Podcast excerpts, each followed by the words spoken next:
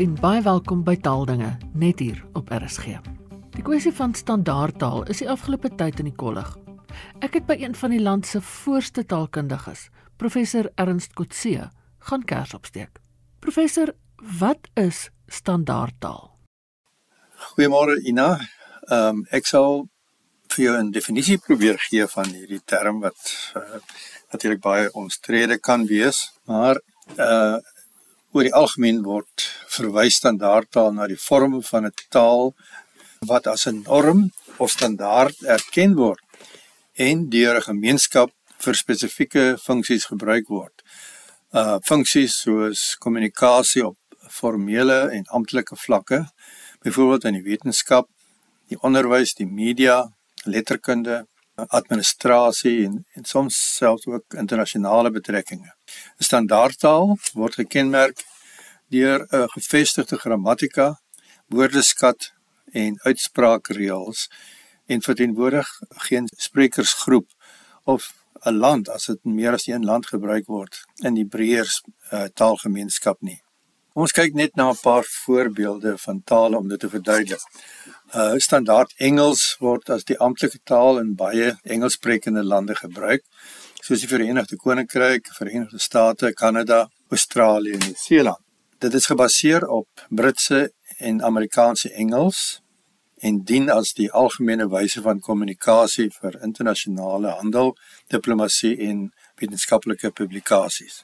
Standaard Spaans, ook bekend as Kastiliaans, word in Spanje gebruik en dien as die amptelike taal ook in baie Latyns-Amerikaanse lande. Terwyl streeksvariasies en dialekte bestaan, is Standaard Spaans die algemene vorm wat in onderwys, die media en administrasie in die Spaanssprekende lande in uh van die wêreld gebruik word.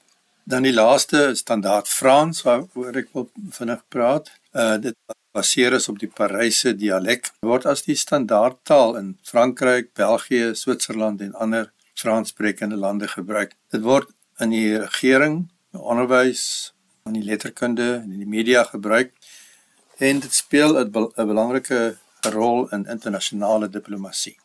Nou die hoofdoel van 'n standaardtaal is om 'n gemeenskaplike metode van kommunikasie te verskaf wat verstaanbaar is vir alle sprekers van die taal, ongeag hulle streeksagtergrond. En dit vergemaklik effektiewe kommunikasie op verskeie gebiede en dra ook by tot 'n beter begrip tussen verskillende taalgemeenskappe wat binne dieselfde taalgebied voorkom. Hoe word 'n taal of 'n taalvorm 'n standaardtaal? Met ander woorde, Wat is die proses wat plaasvind? Die proses om 'n taal of taalvariëteit te standaardiseer en dit tot 'n standaardtaal te ontwikkel, kan verskeie stappe behels wat nie noodwendig in 'n vaste volgorde plaasvind nie. Nou, hoe gebeur dit? Sekere taalvorm, uh dikwels 'n variëteit wat reeds as medium vir amptelike kommunikasie gebruik word, word as basis of vertrekpunt vir die standaardtaal gekies. Dit kan ook 'n streeksvariëteit wees wat in 'n belangrike politieke, ekonomiese of kulturele sentrum gebruik word.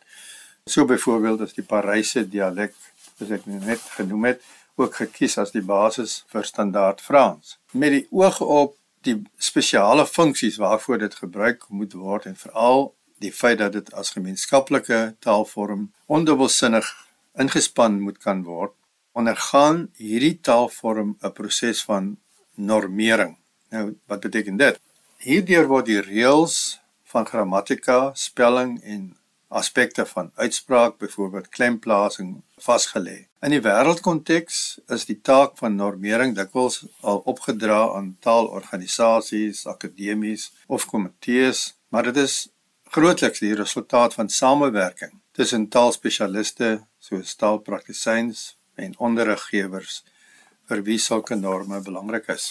'n Deel van die normering is dan standaardisering of die skep van amptelike taalgebruiksbronne wat die vaststelling van toepaslike spel en grammatika reëls behels waardeur konsekwentheid verseker kan word. Dit kan gedoen word deur woordeboeke, grammatika handleidings en ander taalstandardiseringsbronne te publiseer. Die doel om 'n gemeenskaplike taalstandaard te skep waaraan sprekers kan voldoen word hier voorop gestel. En ook die Afrikaanse woordelys en spelreëls is so 'n taalgebruiksnorm wat spesifiek spelreëls vaslê. Volgende uh, stap is dan die aanvaarding en erkenning van so 'n standaard deur die sprekers en die samelewing in den brede. En dit is uiteraard belangrik. Dit kan plaasvind deur die onderwys, deur owerheidssteun, deur die publikasie van navorsingstekste ensovoorts. Dan oor deur die gebruik van die taal in formele en amptelike kontekste. Die toets vir die bruikbaarheid van so 'n standaardvorm is dan die praktiese gebruik en verspreiding daarvan binne die taalgemeenskap. Die standaardtaal word toenemend in verskeie domeine soos onderwys, media, letterkunde, administrasie en selfs ook internasionale kommunikasie gebruik. Die proses van standaardisering betrek soos ek reeds gesê het taalgebruikers, taalkundiges en taalowerhede en dis iets wat nooit werklik tot 'n einde kom, afgesluit word nie, omdat taal steeds verander. Die doel is om 'n gemeenskaplike vorm van die taal te skep wat vir 'n wye verskeidenheid sprekers verstaanbaar en aanvaarbaar is en wat kommunikasie binne die taalgemeenskap vergemaklik. Professor Manne, hoe word die keuse gemaak oor watter vorm van die taal die standaardvorm word. Watter vorm van 'n taal die standaardvorm word, kan afhang van verskeie faktore en omstandighede. Daar is verskillende oorwegings wat 'n rol kan speel in die maak van daardie keuse. Een faktor is uh, historiese en politieke faktore, vir uh, omstandighede. Die geskiedenis en politieke ontwikkeling van 'n streek kan die keuse van die standaardvorm beïnvloed. Dikwels word die standaardvariëteit wat geassosieer word met 'n belangrike politieke, ekonomiese of kulturele sentrum as basis vir die standaardtaal gekies. Die Paryse dialek is byvoorbeeld as basis vir standaard Frans gekies vanweë die historiese invloed van Parys as politieke en kulturele sentrum. 'n Bepaalde taalvariëteit kan ook as standaardvorm gekies word vanweë die aansien en invloed daarvan. Dit kan verband hou met historiese literatuur, prominente skrywers, belangrike kultureelwerke of die invloed van sekere sprekers of groepe binne die samelewing. In die geval van Italiaans was die aansien van Dante Alighieri as skrywer in die Toskaanse dialek 'n belangrike faktor wat die grondslag van standaard Italiaans mede bepaal het. Nog 'n belangrike oorweging is die vereiste dat die gekose standaardvorm verstaanbaar moet wees vir 'n wye verskeidenheid sprekers. Dit sal uiteraard 'n belangrike rol speel om kommunikasie tussen sprekers van verskillende dialekte of streke te vergemaklik. En dan laastens die geografiese verspreiding van 'n taal kan ook 'n rol speel. In sommige gevalle word die taalvariëteit van die hoofstad of 'n sentrale streek gekies om 'n gemeenskaplike vorm van die taal te skep wat in verskillende dele van die taalgebied verstaan word. Is daar voorbeelde elders in die wêreld waarna ons kan kyk? Ons het al 'n paar voorbeelde genoem, uh soos jy sal onthou van standaardtale elders, maar 'n mens kan dalk ook 'n bietjie kyk na hoe dit in sulke tale ontstaan het. Standaard Nederlands het ontstaan uit verskillende dialekte wat in die Laalande gepraat is en gepraat word. Die standaardvorm van Nederlands is beïnvloed deur die dialek van die gebied rondom die stad Den Haag en is verder gestandaardiseer deur taalliggame soos die Nederlandse Taalunie wat ook verteenwoordigers uit België, Vlaams België insluit. Dit word nou as die algemene taal in Nederland, België en Suriname gebruik. Standaard Duits het ontstaan uit verskillende dialekte wat in Duitsland, Oostenryk en Switserland gepraat is. Hoogduits, gebaseer op die taalverskeidenheid in Sentraal-Duitsland, het die basis geword vir die standaardvorm van Duits. Dit word gestandaardiseer deur taalakademies en taalkomitees in die verskillende Duitstalige lande.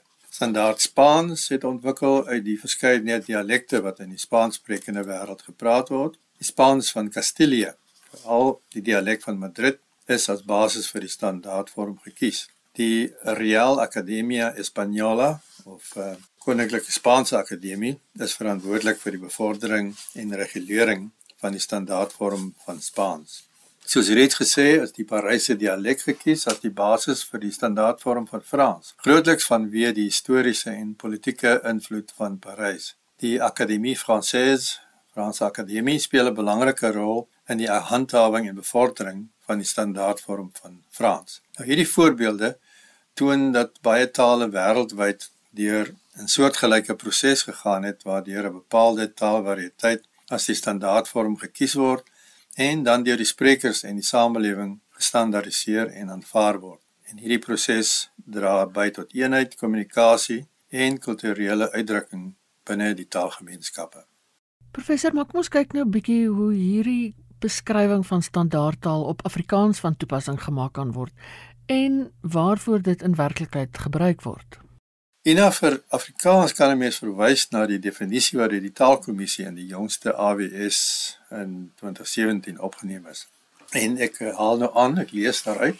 Standaard Afrikaans sê hulle is die variëteit van Afrikaans wat deur die Afrikaans sprekende gemeenskap as normatief vir taalgebruik in spesifieke situasies beskou word. Dit verskyn in gesproke vorm veral in die klaskamer, die lesinglokaal, die kerk en die geregshof, in openbare toesprake ensovoorts en in geskrewe vorm in veral handboeke, godsdienstige en wetenskaplike geskrifte, wette, nuusuitsendings, verslae, memorandums ensovoorts.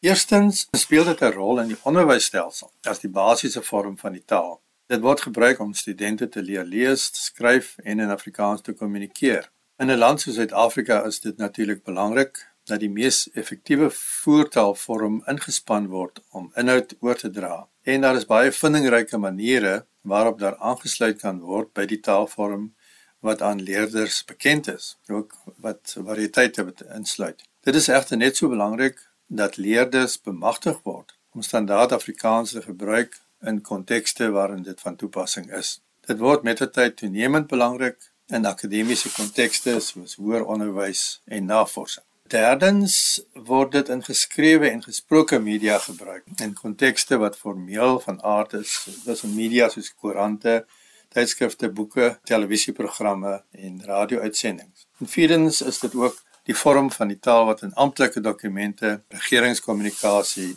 en administratiewe prosedures gebruik word. Dit verseker dan konsekwentheid en duidelikheid in wetlike en bureaukratiese kontekste. En laastens word die standaardvorm van Afrikaans ook in letterkunde, poësie, teater en ander forme van kulturele uitdrukkings gebruik. Dit stel skrywers en kunstenaars in staat om hulle werk te deel en 'n wye gehoor te bereik. Natuurlik is die rykdom van kulturele en taalvariasie in uitdrukkingsforme 'n baie vrugbare ontginningsterrein. Die beskrywing en beoordeling daarvan lê egter weer op die terrein van die standaardvorm waardeur die inhoud vir 'n breër publiek ontsluit word. Nou wat is die rol van die Taalkommissie met betrekking tot die vorm en die funksie van standaard Afrikaans? Die hoofdoel van die Taalkommissie is om riglyne en reëls vir die spelling en skryfwyse van woorde in standaard Afrikaans op te stel deur middel van die Afrikaanse woordelys en spelreëls. Hierdie riglyne en reëls het betrekking op die ortografie van woorde, insluitend die gebruik van hoofletters, leestekens en die korrekte spelling van woorde. Mens moet egter onthou dat die Taalkommissie nie die enigste gesag is wat die ontwikkeling en gebruik van die taal beïnvloed nie. Die taalkommissie funksioneer in same, samewerking met ander taalorganisasies, skrywers, taalgebruikers en die taalgemeenskap as geheel om taalstandaarde vas te stel en te handhaaf. Vir die mees onlangse uitgawes van die AWS is daar ruimskoots gebruik gemaak van die TK of Taalkommissie Taalkorpus van meer as 50 miljoen woorde om na werklike gebruik en frekwensie van items onder oorweging te kyk, veral om besluite te baseer op wat werklik op die grondvlak met die taal gebeur. En dit is 'n erkende feit dat natuurlike taalontwikkeling en die gebruik van taal in informele kontekste kan lei tot variasie en veranderinge in grammatika, woordorde en stilistiese voorkeure. Die taalkommissie fokus egter spesifiek op die ortografie van woorde in standaard Afrikaans volgens die AWS. Egter 'n ander perspektief ook hier byvoeg, terwyl die taalkommissie sy spelreëls baseer op wat as konvensionele Afrikaans beskou kan word, is baie lemmas voorbeelde van tegniese terminologie of beperk tot bepaalde gebruikersgroepe soos beroepe, ambagte, godsdienstgroepe of geografiese streke. Aan die een kant moet mense in gedagte hou dat die fokus van die AWS omvattend is en 'n wye spektrum van gebruikers uitbeeld. Aan die ander kant verteenwoordig die woordelys op geen manier die Afrikaanse woordeskat wat deur die breë publiek in die algemeen gebruik word nie. Met ander woorde iets soos algemene Afrikaans nie. Baie van die trefwoorde of lemmas is tipies van 'n informele styl. Byvoorbeeld woorde soos smoel en harde pad wat ook daar voorkom en sal nie vir doeleindes van formele of amptelike kommunikasie gebruik word nie. Terwyl daar ook 'n groot aantal woorde wat onder andere spellingprobleme kan oplewer uit vakgebiede opgeneem word wat net deur 'n sekere groep gebruikers benodig word. Die inhoud van die woordelys is dus nie verteenwoordigend van enige dialek, register, styl of ander variëteit nie. Wat mens hoogstens kan sê is dat die spelling van die veelvuldige versameling leksikale items gestandaardiseer word deur die vorm waarin dit in die AWS aangebied word. Mens kan interessantheidshalwe noem dat die jongste uitgawe van die AWS 'n totaal van 34700 trefwoorde bevat wat slegs 'n baie klein komponent verteenwoordig van die woordeskat wat in Afrikaans vandag tot dag gebruik word en oor baie gebruiksareas en uit verskillende variëteite geneem is, maar nie naastenby as omvattend beskou kan word nie. Miskien kan ek dit net kortliks illustreer deur enkele voorbeelde te gee van verskillende kategorieë trefwoorde wat nie algemeen bekend is nie. Woorde soos baarddrabok, een woord, die plantkunde, tipe onkruid. Exudaat, mediese en uh, botaniese term. Hematoragus, 'n mediese term wat beteken bloeding uit die rugstring. Chiliasme uit die Christelike teologie, duisendjarige ryk. Woord verreese ook uit die teologie. Nabi uit Islam wat beteken profeet. Subuh gebedstyd uit Islam. Chiaroscuro en een woord uit die Italiaans, veral uh, in die skilderkuns gebruiklik. Douarière, Franse leenwoord wat verwys na 'n ryk weduwee uit die adelstand. Uh ekstrasomaties uit die okkulte praktyk. Haringgraad steek, een woord uit klere maak.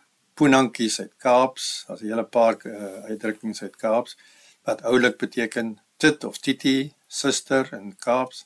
Ouboya wat oupa in Skaaps beteken en kwai lappies wat Kaaps is vir uitstekend. Ook nou ken ons natuurlik die woord tramakassi, 'n leenwoord uit Maleis wat in Kaaps dankie beteken. Dan is daar woorde soos uh, queer studie wat in die letterkunde gebruik word. Leenwoorde uit uh, soete byvoorbeeld modimo vir God, theta uit cosa vir praat, uh, shtetl, leenwoord uit Hebreëus wat beteken 'n Joodse dorpie. Uit 'n stuk of 10 oorwegings wat die insluiting van items in die woordelys bepaal, noem ek so 'n vyftal. Eerstens as dit 'n relatief hoë frekwensie het in 'n verskeidenheid hoër funksie publikasies uh, kan dit opgeneem word. Ook in uh, en voorkom tweedens in bronne soos gesaghebende woordeboeke en taalkundige bronne, dan woorde met moontlike spelprobleme waarvoor daar boodskrifverwysings is na die relevante spelreëls, die erkenning van die unieke benaming van 'n uh, nuwe veral 'n uh, nuwe konsepte soos beurtkrag, beurtwater en die voltooiing of uitbreiding van leksikale paradigmas soos sê nou maar Oud-Engels, Oud-Germaans, Oud-Noors ensovoorts. Een oorweging wat moontlik in die jongste tyd heelwat gewig dra, is dat die opname van 'n bepaalde woord sosiaal, kultureel en polities sensitief moet wees. Professor, en nou seker die heel belangrikste vraag. Het 'n taal 'n standaardvorm nodig? En waarom wel of waarom nie?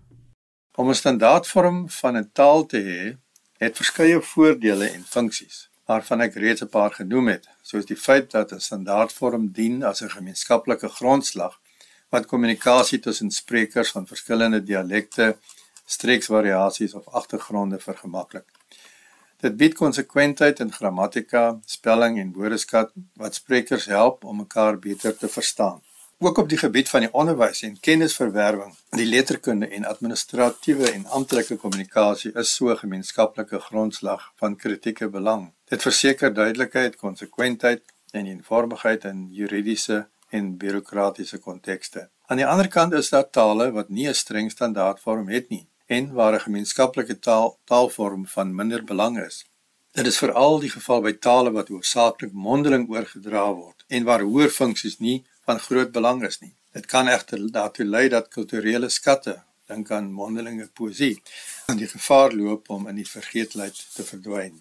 Om kortliks saam te vat, die behoefte aan 'n standaardvorm van 'n taal hang van verskeie faktore af, insluitend die grootte van die taalgemeenskap, die mate van geografiese verspreiding en die historiese en politieke konteks. Om 'n standaardvorm te hê, kan bydra tot die eenheid, begrip en ontwikkeling van 'n taal, maar daar is ook situasies waar ander forme van taalgebruik en variasie waardevol en relevant kan wees. Professor, is dit van belang en maak dit saak wat 'n mens die standaardvorm van 'n taal noem?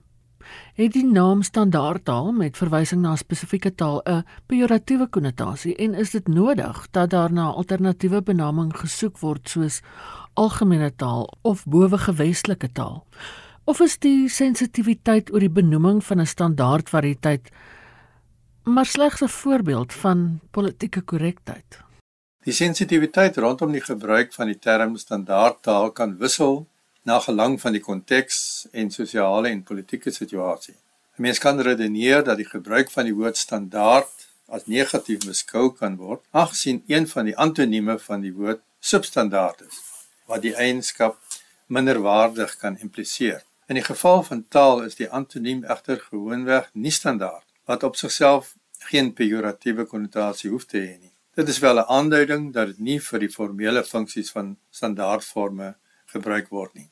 Om jou eerste vraag te beantwoord, die term standaardtaal is 'n tegniese term wat in die taalkunde en algemene taalwetenskap gebruik word om 'n spesifieke gestandaardiseerde vorm van 'n taal aan te dui. Dit is wel belangrik om die breër konteks en sensitiwiteite rondom taal en taalgebruik in ag te neem wanneer hierdie onderwerp bespreek word. Dit is belangrik om te erken dat alle taalvariëteite, insluitend dialekte en streeksvariëteite, waardevol en integraal vir 'n samelewing se linguistiese diversiteit en kultuur is.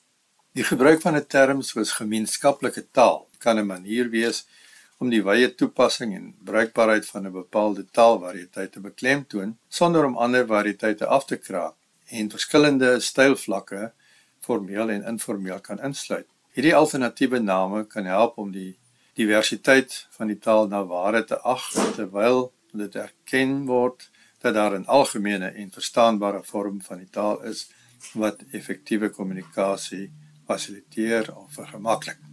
In aansluiting by internasionale konvensies en gebruike, is dit miskien wel nodig om die objektiewe aard van die term standaardtaal duidelik aan die publiek te kommunikeer. Dit is veral belangrik dat 'n standaardtaal binne die konteks van die taalkunde verwys na 'n gestandaardiseerde, gedeelde vorm van 'n taal wat gebruik word vir kommunikasie en begrip tussen sprekers van verskillende dialekte of streeksvariëteite. Enerzijds is dialekte en streeksvariëteite waardevolle en erkende forme van taalgebruik wat bydra tot 'n samelewing se kulturele rykdom en identiteit terwyl dit ook belangrik is om 'n gemeenskaplike en verstaanbare formaat te hê vir wyeer kommunikasie en toegang tot sekere domeine van die lewe. Dit is bovenal belangrik om oop kommunikasie oor taalvariëteite en die rol van 'n standaardtaal te bevorder met 'n agneming van vrae, bekommernisse en voorstelle sodat wye betrokkenheid by en die begrip van die kompleksiteit en diversiteit van taalgebruik bevorder kan word. Dit was die taalkundige professor Ernst Kotse. En daarmee groet ek. Geniet die res van die dag in RSG se geselskap. Bly veilig, bly gesond en van my Ina Strydom groete tot 'n volgende keer.